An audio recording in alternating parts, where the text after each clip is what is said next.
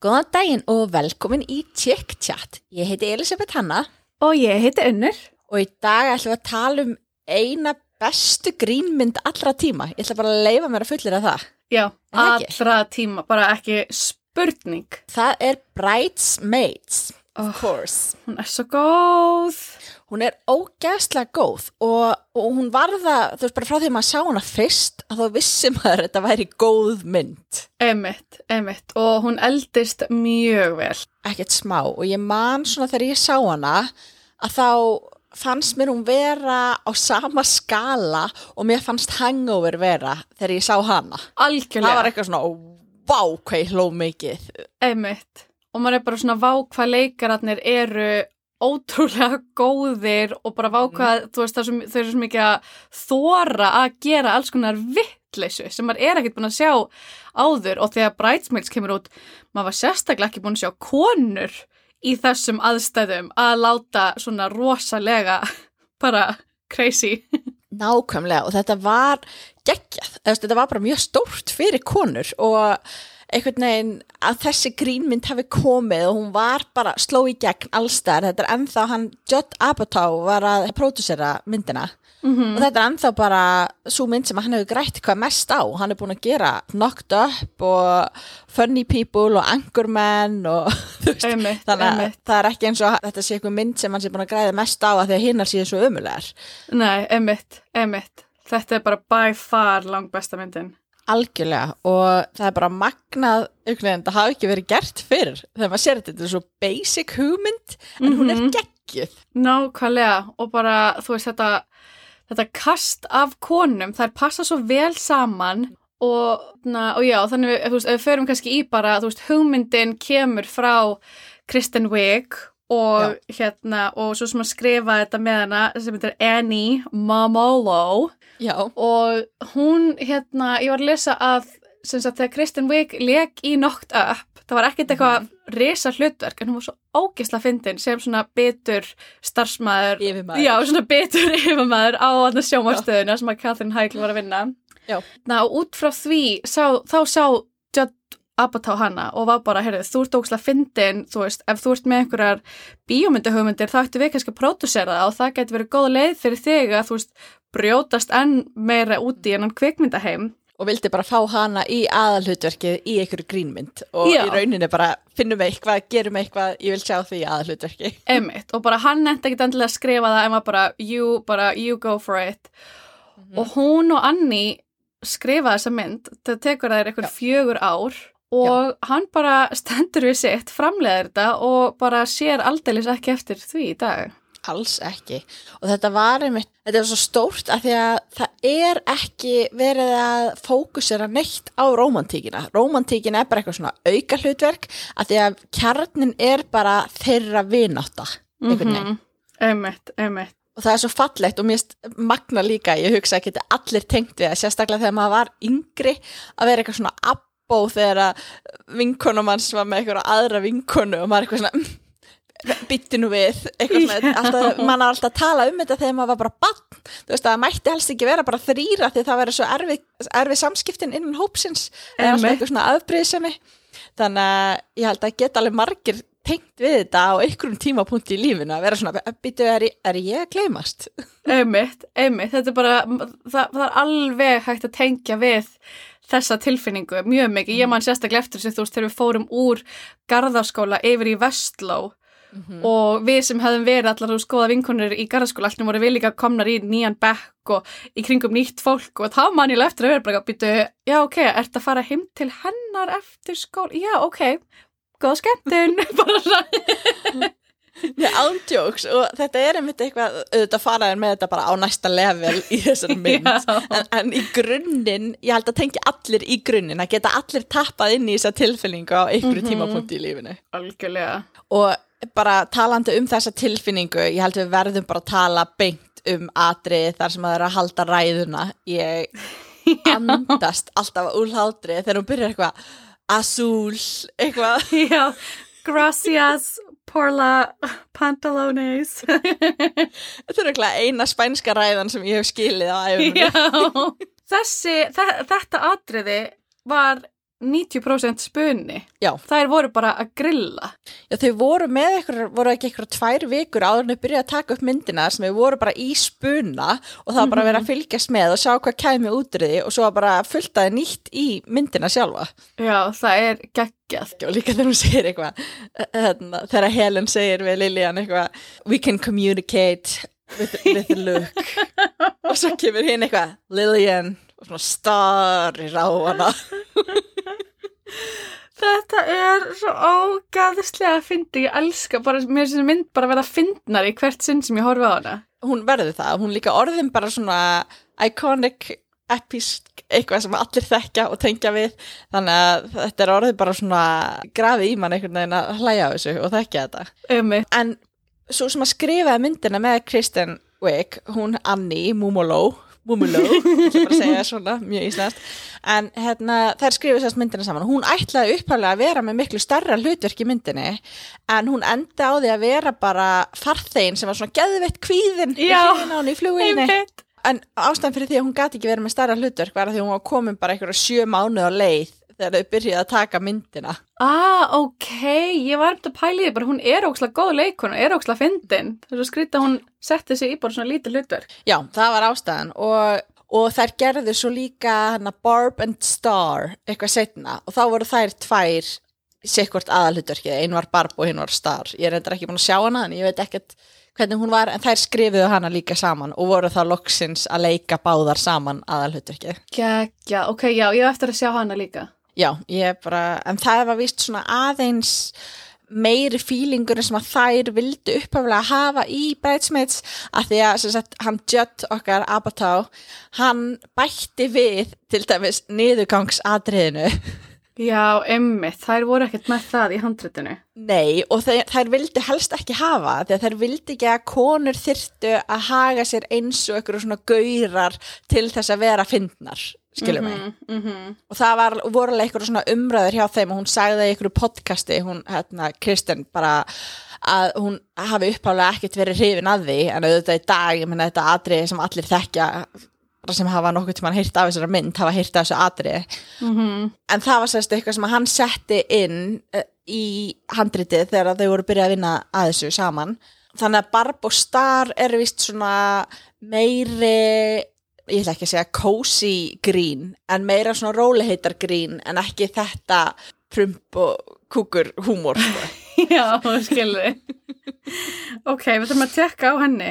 Já, en uh, það er samt því miður hef ég heyrt að hún sé ekki ég hef heyrt hún sjálfgjört letdown sérstaklega eftir þessa mynd Æi. Já, en ég veit það ekki, kannski hún bara geggjuð við kemur örglega í ljós ykkur tíman þegar við höfum tíma og horfum á þetta. Nákvæmlega, við þurfum bara að fara í þessa rannsóknarvinnu. og svo líka magna að maður sér kastið og maður getur einhvern veginn ekkert ímyndað sér að neitt annar hefði gert þetta betur. En það var reyndar eitt sem ég sá sem að hefði passað ágætlega að því ég elska Maja Rudolf sem að leikur Lillian sem er mm að fara að gifta sig. En hún myndi Kaling, hún vildi líka leika Lillian Ú, hún hefði verið mjög góð því hlutverki.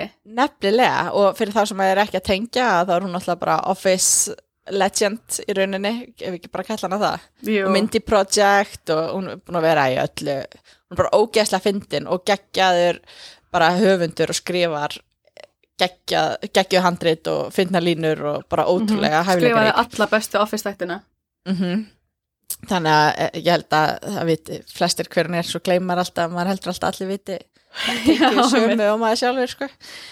en hún sem sagt vildi leika Lilian og ég hefði alveg getað að sé það og hún Rose Byrne sem að leik Helen hún Mm. vildi líka upphæflega vera Lilian fór í pröfur fyrir hana Ok, en hún er hundra sinnum fullkomnari sem Helen. algjörlega og það var svolítið hennar svona breakout í einhverju svona grín hlutverki og hún búin að vera meira Já. í svona einhverju dramatísku og hún kom vist öllum á tökustuða bara virkilega óvart sérstaklega þegar þau voru í spunanum bara hvað hún var geggjuð í einhverju svona grín spuna Já, geggjað. Já, mjög skemmtilegt og líka með hana Rebel okkar, Rebel Wilson sem að leikur Já, betur, var hún ekki pröfu fyrir hérna Melissa McCarthy hlutverkið? Jú, hún nefnilega vildi vera hún og líka hérna Busy Phillips sem að, ég veit ekki hvort Já. þú mannst eftir henni, hún var í Freaks and Geeks Jú, algjörlega, algjörlega. Já, hún fór, þær fóru báður í pröfur fyrir hlutverkið sem að Melissa McCarthy fekk en Rebel fekk það augljóslega ekki en þess vegna var Brynn karakterin hennar skrifaður inn bara fyrir hana, þeim fannst Rebel bara geggjuð og vildu hafa hana þannig að þau bættu við þessum karakter sem að þau sjáurlega ekki eftir í dag. Ok, geggjað. mjög fyndi og hún er mitt Rebel okkar og Matt Lucas sem að leikur bróður hennar í myndinni þar sem við búa saman þau urðu bara alvöru roommates eftir myndina Ó, eitthvað það er sætt. já, Vákur það er skemmtilegt heimili. getur þú ímyndaðir það er örugglega bara grín frá því að maður vaknar og örugglega maður fer að sofa Oh my god, það er ógeðslega gaman að koma í heimsókn. já, ég held það sko og myndin fekk sko tvær óskastilöfningar Já, sem sko engin önnur mynd hans Jetta hefur fengið. nei, herru, by the way eftir þetta langar bara að tróða þig hérna inn í að þú ert alltaf að hitta ykkur að fræga og gegja úti ég Já. hef hitt hann Hvar? Þegar ég var með stelpunum hérna, Krilli, Sölku og Steinu þegar við vorum í New York þá sátum við fyrir utan hérna, er ekki Magnolia's Bakery sem er eitthvað Mhm. svona frækt bakari og svo allt innu segir Salk eitthvað oh my god, eitthvað, the Judd Apatow og þá kíktum við og það var bara öll fjölskyldan Oh my god. það var Leslie Mann og hann að Maud Apatow sem er núna í hérna Euphoria Já, emitt. og, og svo Iris Apatow og ég man ekki hvor stelpan við varum eitthvað, can you take a picture fórum eitthvað allar yfir og eigum eitthvað að mynda okkur bara með þeim Oh my god, hvað það finnst. Og var hann alveg bara til í það þótt hann væri eitthvað með fjölskyldunni sinni? já, já, já, þau voru öll til í þetta þú veist þannig að Leslie er með okkur á myndinni sko. mamma, mamma Leslie Oh my god, það er geggjað. það er ekki og svo eins og ég sagði, stelpan Fá, betur, okkur er manni ekki eftir þessari mynd? ég veit ekki Ég er ekki að vera svo ógist afbrýð sem að ég fór bara í blackout. að loka á þetta, bara ég ætla ekki að eftir þessu það gerðist ekki en hún, eins og ég sagði hann, dótti þeirra hún er núna að gera mjög góða hluti í Euphoria Hún er ógeðslega góð í Euphoria. hún leikur Lexi í Mhm. sem sagt Euphoria, eru þættirnir sagði hvað er Euphoria? Nei, ég sagði hún er Nei, góð í já. þeim. Dýrkana. sorry, já, hún leikur Lexi í Euphoria og er vist bara búin að vera að standa sér svo hetja í því Já, hún er ógeðslega góð. Hún er svona, það er ógeðslega erfitt að leika karakterin hennar því að hún er svona mest eðlilega af þeim öllum. Hinnar er allar svo ógeðslega crazy. Hún þarf alltaf að vera svona aðeins svona meiri eh, svona chill á því. Það, og, en er samt svo ótrúlega, maður tekur svo mikið eftir henni. Hún er svo, ó, ég dýrka hana. Ég dýrka það þætti. Mér finnst það bara svo mögnu fjölskylda Já. Haldið í pressunni á yngstu það er bara hvað ætlað þú að gera?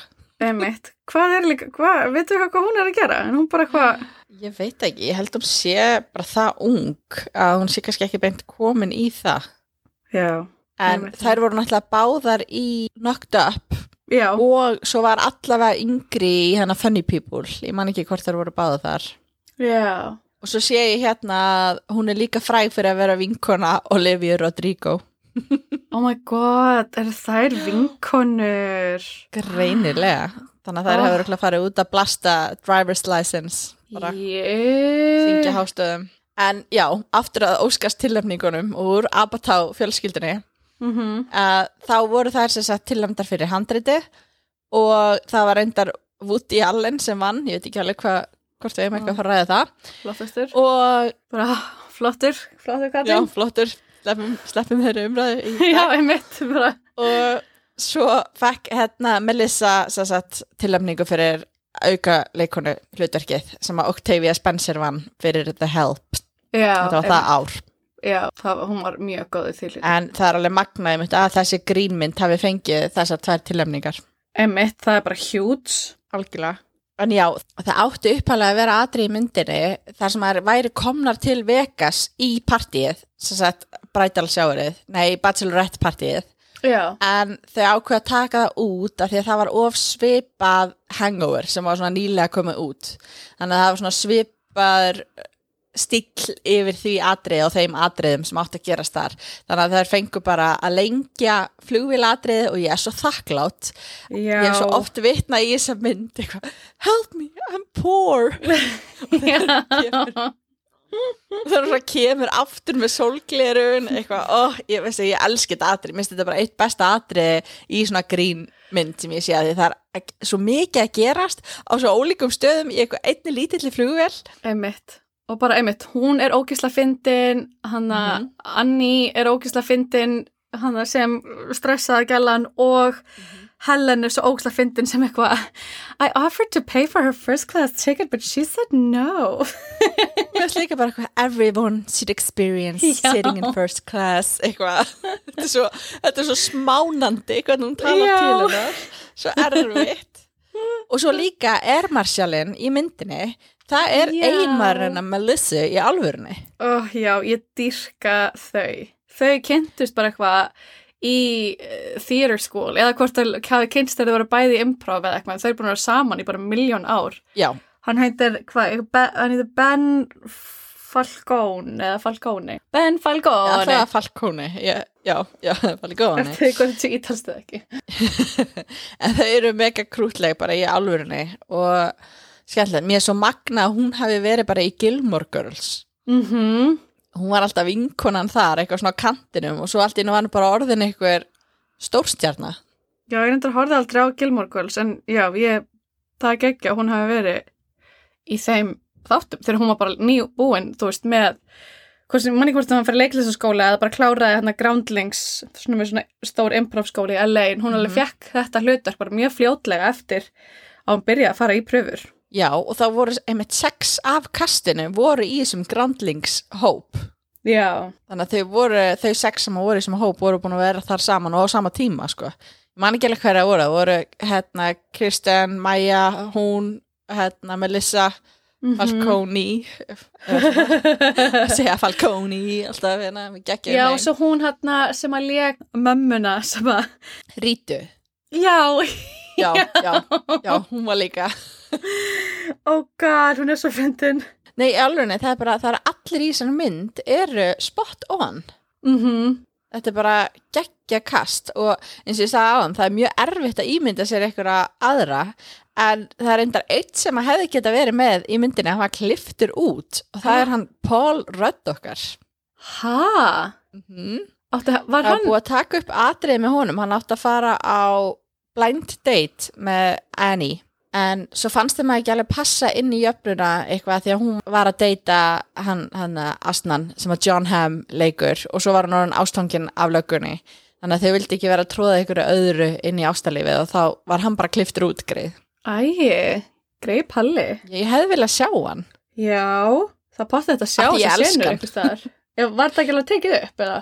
Jú, það var tekið upp held ég og var svo bara klift en þetta er mjög erfitt að því ég skil mér finnst það heldur ekki passan í myndina en að þetta er hann að þá þrá ég Einmitt. að hafa þetta þarna Nákvæmlega, ó, hann er svo fullkomin. hann er í alvörinu fullkomin hefur þið séð þættina sem hann var í um daginn hann að Living with Yourself Nei, er þið góð? Nei, það var mjög, þeir eru mjög áhugaverðir Ok. ég ætla að setja, það er ekki svona eitthvað bubbly feel good sko Mm. en þeir eru svona öðruvísi, þetta er svona öðruvísi hugmynd einhvern veginn Ef mæla alveg með að þú ert uppi skroppa af efni Já, alltaf, ég að þetta í fæðingrólof. Nákvæmlega. Þegar þá er náttúrulega tími fyrir Gilmore Girls. Ef þú ert ekki búin að horfa á það, það er ekkert jafn heilalaust og þú þarft ekki neitt fókus til þess að halda þær inni í en samt verður geðveikt invested í öllum karakterunum. Að það? Bara ótrúlegt að satt. Ég man þegar ég var með eldri stelpunum mína í Orlónu Mm. Og þá tók ég sko aldeilis Gilmore Girls marathón. Ég hafði ekki horta á þetta áður og ég setti þetta einmitt á að því ég hugsa eitthvað, ég vil bara hafa eitthvað svona hljóð fyrir aftur mig en yeah. ekki að vera að fylgjast með. Og þetta var bara orðið þannig að ég var algjörlega dottin inn í þetta og svo stuttu eftir það þá kom hérna rebootið, það sem að kom aftur og ég man að ég var bara með svona bara gæsa húð að fara að horfa á það því ég var orðin bara svo tengdi sem karakterum. Og var íbútið jafn gott? Það var svakalegt. Já, bara betra ef eitthvað var. Ég... Já, eða allavega, þú veist, þetta er auðvitað ekkit, eh, sko, kærasti minn talar um þetta sem svona ö-efni, þetta er ekki einustu b-efni eða d-efni, þú veist, þetta er bara svona neðst í fæðikeðinu yfir efni til þess að horfa á. En Það gott að það vita manni alveg. enga síður. Já, það er gaman að ég og maður dettur í eitthvað svona gýra að horfa á það er allir gett aggressífir samt en samt er það gett ljúfið þættir en tala alltaf saman eins og sé, sé að skamma hvort annað en Ok. Já, alltaf mælu með, gerir mig grein fyrir þetta sé ekki gæða efni, en allt í góð. Það þarf ekki alltaf að vera gæðefni. Ég er nýbúin að þetta Amelie in Paris. Sem er gæða efni, til nefnt í Golden Globe, þér til mikil ránægju Oh god. en nei, það var bæðið mjög gaman það voru eiginlega allir sem að giskuðu rétt þegar við Já. settum hérna á Instagrami okkar Mm Mjög það fyndi. er mjög fyndi, já það voru allir mjög, mjög mikið með puttan á púlsunum hvað var að koma Já, einmitt. en í myndinni Bridesmaids að þá er svolítið svona tákgrænt sem að gerist í kynlífsadriðunum að sjálfsögðu að þegar hún er með honum John Hamm sem ég man ekki eins og hvað ka- karakter heitir Doug eða eitthvað þá er hún alltaf í brjóstahaldarna þegar þau Já. eru að njóta ásta en þegar hún er með Rhodes sem er löggan Mm. að þá fer hún úr brjóstahaldarnum Mm. og þá vera svona tákgrænt fyrir það að hún náði aldrei að hleypa Doug alveg að sér en hún náði að Ah. opna sig fyrir Rhodes Ég skildi, hann fær að sjá allt. hann fær að sjá allt Og hún Hann fær að sjá já, hún fær að vera frjálsari. já þannig að það er greinlega svona meira traust þar Einmitt, einmitt. Það er svolítið skemmtilegt. já, mér finnst að það var svona, ó, það var eitthvað svona dýpri meining á bakvið eitthvað í þessu Einmitt. Og hún vaknar ekki fyrr þegar hún gistir í honum til að setja á sig hérna Ó. make-up og laga sér árið. Þetta atri er svo gott að ég held að hafi svo margir gert þetta Já. það er eitthvað, ó, var að vakna lít ymmit svona út alltaf þegar ég vakna Oh my god, nákvæmlega, maður hefur aldeilis hérna verið sníki og, og, og laga sig aðeins í framann en maður er með maskara og bólufélara í veskinu. Mm. krúsjál að hafa það með en mér fannst einhvern veginn allt við þessa mynd að þetta er náttúrulega allt mjög ykt eins og ég sagði áðan líka með þú veist þess aðbreyðsefis tilfinningu og allt þetta. Er allt tekið á bara eitthvað næsta level.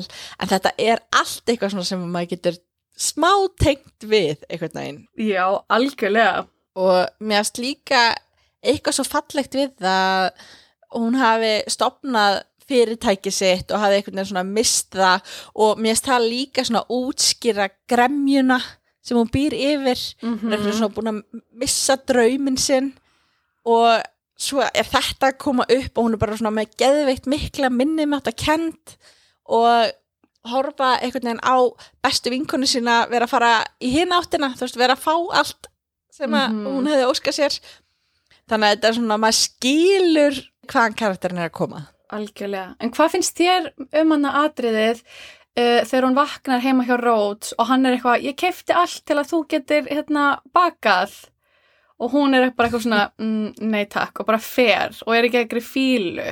mér finnst það svolítið segja kannski hvað hún var buguð Já. einhvern veginn. Hann er að reyna að peppa hana og hún kannski bara er búin að draga sjálfa sig það langt niður að hún pyrrast bara að sé einhver að reyna að peppa hana í eitthvað annað. Mér finnst það svolítið svona, mér finnst að því að hann er náttúrulega, þú veist, auðvitað er örgulega eitthvað sem getur þetta eitthvað, akkur hann að ætlast til þess að hún fara að baka, eitthvað þannig, skilur mig dæmi að það er náttúrulega hægt að koma með rauk fyrir öllu. En mér finnst hafa bara með góða hugsun fyrir aftan þetta. Það er bara það að þetta var eitthvað sem þau voru búin að tala um búin að tengja við og hann er svona að reyna að kynnast henni og veit að þetta er hennar passion. Menna augljóslega hún opnaði bakari, skilur mig Einmitt, þannig að mér fannst þetta fallegt að því leiti að hann er bara að reyna að kynnast henni og hennar áhugamálum og sjá hva, hvernig hún er í rauninni Einmitt. Hann er ekki eitthvað, hei, þú ert kona, bakaðu. Þú veist, þetta Mm-mm. kemur. Að því ég man sko þegar ég sá myndina fyrst, þá var ég bara eitthvað, wow, slakaðu á, hann er að vera ókslega næs, eitthvað svona. En svo Já. þegar ég er búin að vera að horfa myndina nýlega, þá tengi ég aðeins meira við eitthvað svona, hei, ég var búin að segja þér að ég hef ekki áhuga á þessu lengur. Hverju ertu að láta mig gera eitthvað, eitthvað sem ég tengi meira við hennar biturleika. Já Við erum bara gamlar og bitrar hérna. Já, einmitt. Þannig að mér stæmið karakterin er þótt þetta sé grínmynd mjög góð grínmynd að þá er einhvern veginn svona djúb lög af karakternum, þú veist það væri hægt að fara bara í það að sálgreinana að því að það er svo mikið sem að maður getur alveg svona skilið af hverju hún er eins og hún er en eins og ég sagði mjög mjög ykt í myndinni.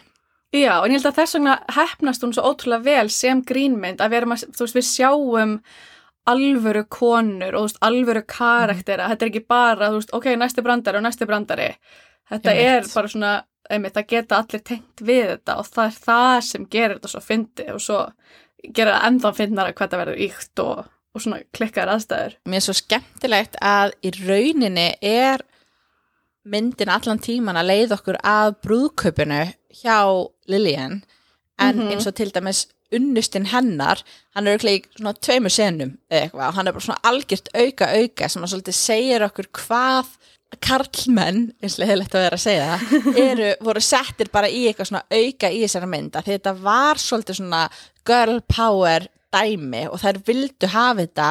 Þetta er grínmynd með konum fyrir alla. Þótt að Einmitt. séu konur, þá er þetta samt fyrir alla skilur mig Einmitt, af því allar hinar grínmyndirnar eru akkurat öfugt, að kallarnir eru Mhm. nummer 1, 2 miljón og konurnar eru bara eitthvað betrar eiginkonar á kantinum sem er eitthvað, hvenær kemur ég heim? Þannig að þetta var, þú veist, í dag er efni, við höfum oft sagt þessa setningu, í dag er efni fjölbreyttara, skilur mig, og allt svoleiðis, en þarna var þetta, þetta er eina fyrstu svona geggjöðu grínmyndunum sem er bara haldið uppi af konum, sem slær líka svona alveg svakalega í gegn. algjörlega, og ég veit ekki, mér varst líka svo, ég ætla bara að skjóta þeirri mynd hérna inni líka, ef ykkur er ekki búin að sjá hana, ég veit ekki hvort ég hef bara verið á einhverjum þannig stað þennan dag að vera bara í geggju skapi eða eitthvað en ég man þegar ég fór í bíó á myndina þarna I Feel Pretty ég held hún heiti það Já, með Amy Schumer. já, Ó, hún er geggjöð. það var líka ég bara svona orgaði úr hlátri Já. Geggjöð. Er Ekki, já, í diskana. en, en það var svona önnur mynd með konu í aðalhuturki sem ég svona virkilega hló. En ég reynda þarf að sjá hana aftur ég veit ekki. Og það var líka smá svona ég tók Amy Schumer aftur í sá ég var búin að sjá Amy Schumer í þannig Trainwreck og ég var ekki að tengja við þá mynd. Mér fannst hún svona þegar þau endur saman þá var ég bara eitthvað svona nei, ég vil ekki að þau sé enda saman og það var bara svona ekki máli fyrir mig Já. Þannig að þegar ég sá hana í I Feel Pretty þá var ég bara þarna, nú erum við að tala saman þetta var eitthvað sem mér fannst ógeðslega að fyndi sérstaklega þegar hún var að dansa þarna upp á sviði eitthvað, já, Oh my god, þetta er svo ógeðslega góð. Mér finnst reynir ekki líka geggjumynd, en já, ég er sammála þau áttu ekki að enda saman. bara alls ekki en já, hún var líka góð í hérna Snatched, þar sem að maðgunum er, er rænt, hún og Goldie Hawn en Já. það var eitthvað svona sem að mér fannst bara geggjað, líka svona kvenkins comedy og ég vil meina, auðvitað margt annað sem kemur inn í þetta líka, en ég vil meina að Bridesmaids hafi opnað dyrnar svolítið á þetta Algjörlega, því það var svo ótrúlega mikið af fólki sem var bara, nei, konur eru ekki fyndnar. og bara, þú veist, en það að sjá mynd sem að grætti svona ógeðslega mikinn pening og sem var svona ógeðslega fyndin, það bara Já. svona þurfti það svolítið til að fólk, og þá sérstaklega kallmenn, væri eitthvað, já, byrju, konur geta verið fyndnar, sem er svona, ó, það er svo óþálandi að hugsa til þess, en, þú veist, já, að því að þessi mynd breytti þeim skoðunum hjá þeim kannski, þá er, veist, er þeir til að gefa öðrum myndum frekar séns. Sem er svo ógista sorglegt og astnalegt, en þannig er það bara. en það er líka eitt sem við verðum að taka bara umræðina um. Það er þessi brúðkaupsmania bara bridezillas og allt í kringum þetta og allt sem hún fer í gegnum í kringum þetta brúðkaup. Þetta er svo mikið batteri í Ameríku.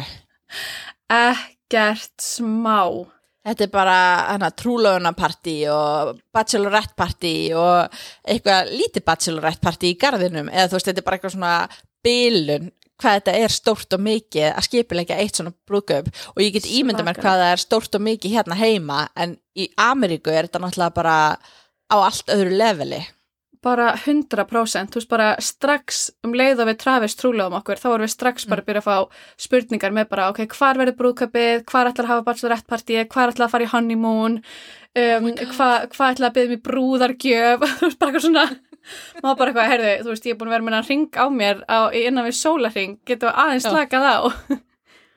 Neðast þetta er bara, og svo verður fólk alveg svona, maður hefur heyrt bara þvílíka sögur af bæði, þú veist, af, bara af fólkinu sem er að gifta sig, sem algjörlega bara missir það, missir sig í bara, og kostnaðin í kringum þetta, fólk er bara stundum að sapna frá því að börnin er að fæðast til þess að geta borgað undir þessi brúðkaup. þú veist, það er bara störlað og einmitt að hafa sko, þú veist, það þarf að vera trúláfinnapartí og svo þarf líka að vera bridal shower og svo þarf að vera, þú veist, rehearsal dinner og bara eitthvað svona alls konar hluti sem maður er bara eitthvað nei, þannig ég held að Travis er mjög þakkláttur að vera trúláfaður uh, íslenskri stelpu en ekki amerískri stelpu sem er með eitthvað svaka hugmyndir um svona partí að ég hef null áhuga á þessu.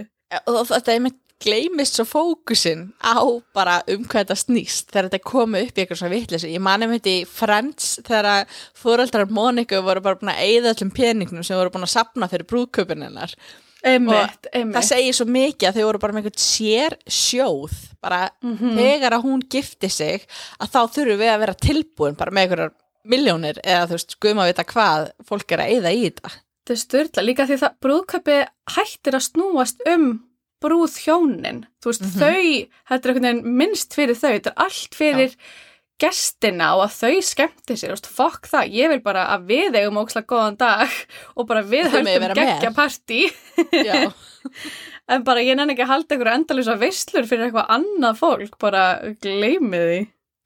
algjörlega og einmitt eins og ég sagði hérna heima þetta er nógu mikið, mikið og stórt og dýrt sko, en þarna úti er Mhm. þetta bara orðið margra daga ef ekki eh, mánaðar langt prósess sko að gifta sig. Þannig að þetta er rosa stórt batteri þarna úti.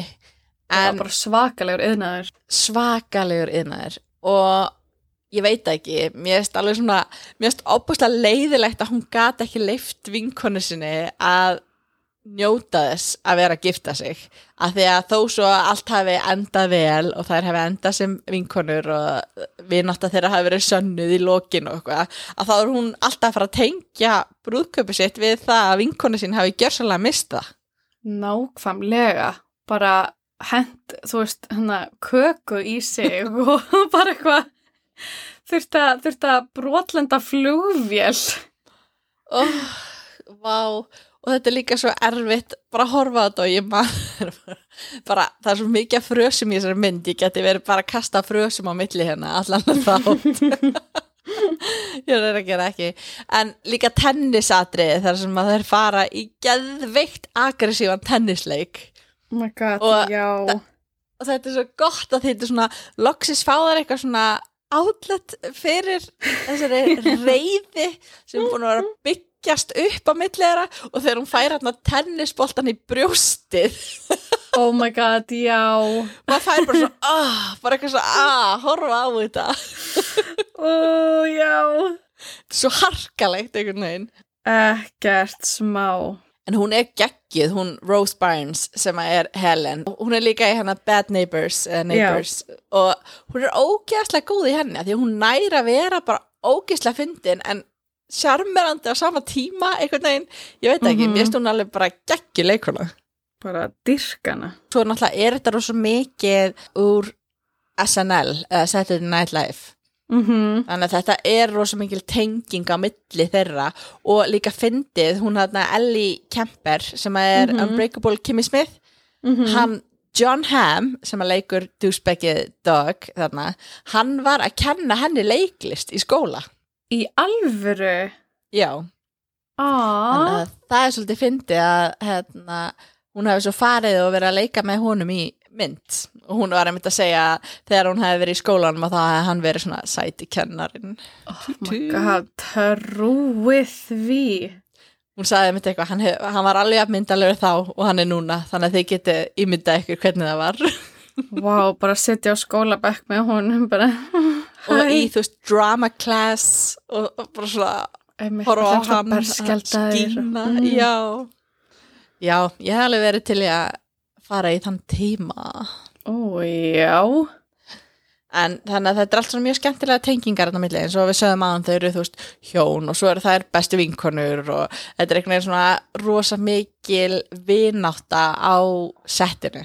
Mm og mér finnst það alveg skína í gegn Já, og það er einhvern veginn allir svo svona örugir, þú veist, það eru allir mjög augljóslega að fara út fyrir sitt svona comfort zone og Mhm. það skila sér svo vel að það eru allir bara að leifa sér að vera eins og vittlisingar og það gengur bara mjög vel upp. Bara 100%. En það var líka á pósternum sem að kom fyrir myndina þá stóð eitthvað These are smart, funny women eins og það væri bara eitthvað svona ótrúlegt að vera hægt að vera gáfaðar og fyndnar konur Hæ, stóð það í alvöru á pósternum? Já, það var ákveður póster sem þau gafu út bara svona pósterkót sem var bara svona út allt og þá stóð þetta og það var sem sagt ég las allavega eitthvað starf það hefði verið svona eins og það væri bara ótrúlegt þetta væri, þú veist, að það hefði verið svolítið að leika sér með það Já, Concept. já, já, já, það var sérst að partur af gríninu, það var ekki einhver já. sem var eitthvað, hei, þetta að tjekka á þessu. Nei, nei, nei, ég held að það eh, allavega skildist með það, ég, eins og ég segi, ég las þetta bara, las þetta á netinu og maður veit aldrei hvaðan það er upplýsing að koma, en þú veist, Það er rétt. mér veist þetta allavega merkilegt þegar ég sá þetta, svona, já, Af því að maður, tengir alveg við það, það er einhvern veginn aldrei gefið út að konur geti verið ógislega gáðar og ógislega fyndnar, það er svona eins og sé alltaf annarkvort, eins og Einmitt. eða þú ert fyndin að þú ert vitlaust og eða þú ert gáðuð að þá ertu leðileg. Þannig bara takk Bridesmaids fyrir að breyta því. Mónandi brey, að breyta einhverjum, einhverjum hérna, svona vitleysingum. Já, einhverjum, einhverjum fyrirfram ákveðnum hugmyndum sem erum að nota. já. Já, en það er eitt sem að ég ætla bara að taka svona eina spurningu að lokum, að ég held við séum svona að, að sigla í síðar endan að þessum þætti. Mm Hvað er þitt uppahaldsatriði í myndinni? Þú mátt nefna fleiri en eitt ef það er fleiri en eitt. Ú, uppáhaldsatrið mitt. Ætli það sé ekki, ætli það sé ekki þegar þær eru að halda ræðina í, í veislunni að, að keppast um að halda ræður fyrir Lillian. Það er, ég held að það verði að vera allavega á lista því að það er bara eitt besta atrið sem ég nokkuð tíma sér. Mér finnst líka, mér finnst einn uppáhaldslína mín alveg í lokin þegar uh, Kristinn Vík og Rós eru í bílnum og Já. Rós er að grátandi og, og Kristinn Vík er eitthvað, oh, you're an ugly crier og hún bara no, I'm still pretty Það er mjög gott svo líka. ógeðslega fyndi Það er mjög fyndi og það líka er svo í taktu karakterin og karakterin að báða einhvern veginn. Og Já, geggja þegar þær eru annað saman að reyna að ná aðtiklinni hjá Rhodes og er að keira alltaf Já, fram og tilbaka. Að frjóta öll lögin. Og líka reyndar þegar hún Melissa McCarthy kemur og er að reyna að peppa hana í gang. Ó, já, og það er eitthvað, "Ríðið í æðislegt gang." atrið já, með alla hundana. Já það er mjög gott. Og svo líka eitt sem ég fæ alltaf svona uh, þegar að Rebel hérna, eða karakterin hennar Brynn kemur heim með hana. Ógisla tattúið sem hún fekk alltaf í og hann setur svo frosnar bönir á það. Ó, ég fæ alltaf svona, svona, ah, svona, ég vil ekki sjá þetta þegar þetta kemur. Einmitt, einmitt, oh my god. Það er svakalegt, sko. En þessi mynd er bara allavega frá, ef ég ætti að gefa henni einhverna, þá fær þessi mynd bara solid tíu frá mér, að því að hún er bara ógeðslega fyndin og er, einmitt, eins og við segjum áðan, bara konur í aðalhutverki, bæði bókstallega og í handritinu sjálfu. mm Mér finnst það Einmitt. rosa skemmtilegt, en það eru auðvitað sumi brandara kannski sem eru svona dansandi á línunni, en það er samt líka þannig í öllum grínmyndum þar sem að kallmenn hafa verið í aðalhuturki, þannig að mér fannst það svona, Algjörlega já, passaði það margt kannski í dag svona, en einhvern veginn, já. Já, en ég sammálaði bara solid tíja og bara, vá, ég get hort, ég get hort á hana hverjum degi Algjörlega, og það er líka svo gaman með þessa mynd einhvern veginn, bara svona búningarnir, hvernig það eru klættar og make-upið og allt, þú veist, karakternir eru svo sterkir, af því það er allt sem að passar inn í hvern og eitt karakter einhvern veginn. Einmitt, einmitt Og það eru allar svo ógisla ólíkar, en allar svo ógisla fyndnar og fullkomnar inn í þessa mynd, og það eru að tala bara persónar, þannig að ég allavega gæti ekki mælt meira með þessari mynd, held ég. Nei, sammála, bara allir að horfa á hana aftur og þúsund sinnum aftur og, og bara takk, takk konur fyrir að hafa búið til þetta meistaraverk. Takk, Kristin og hvað var það? Mololo. Já, Manolo. Já, Manolo, ok. Takk, Kristin og Manolo. Gæga. Uh, ef þá ekki bara að segja þetta gott í dag. Segjum það, sjáumst í næstu viku. Bye. Bye.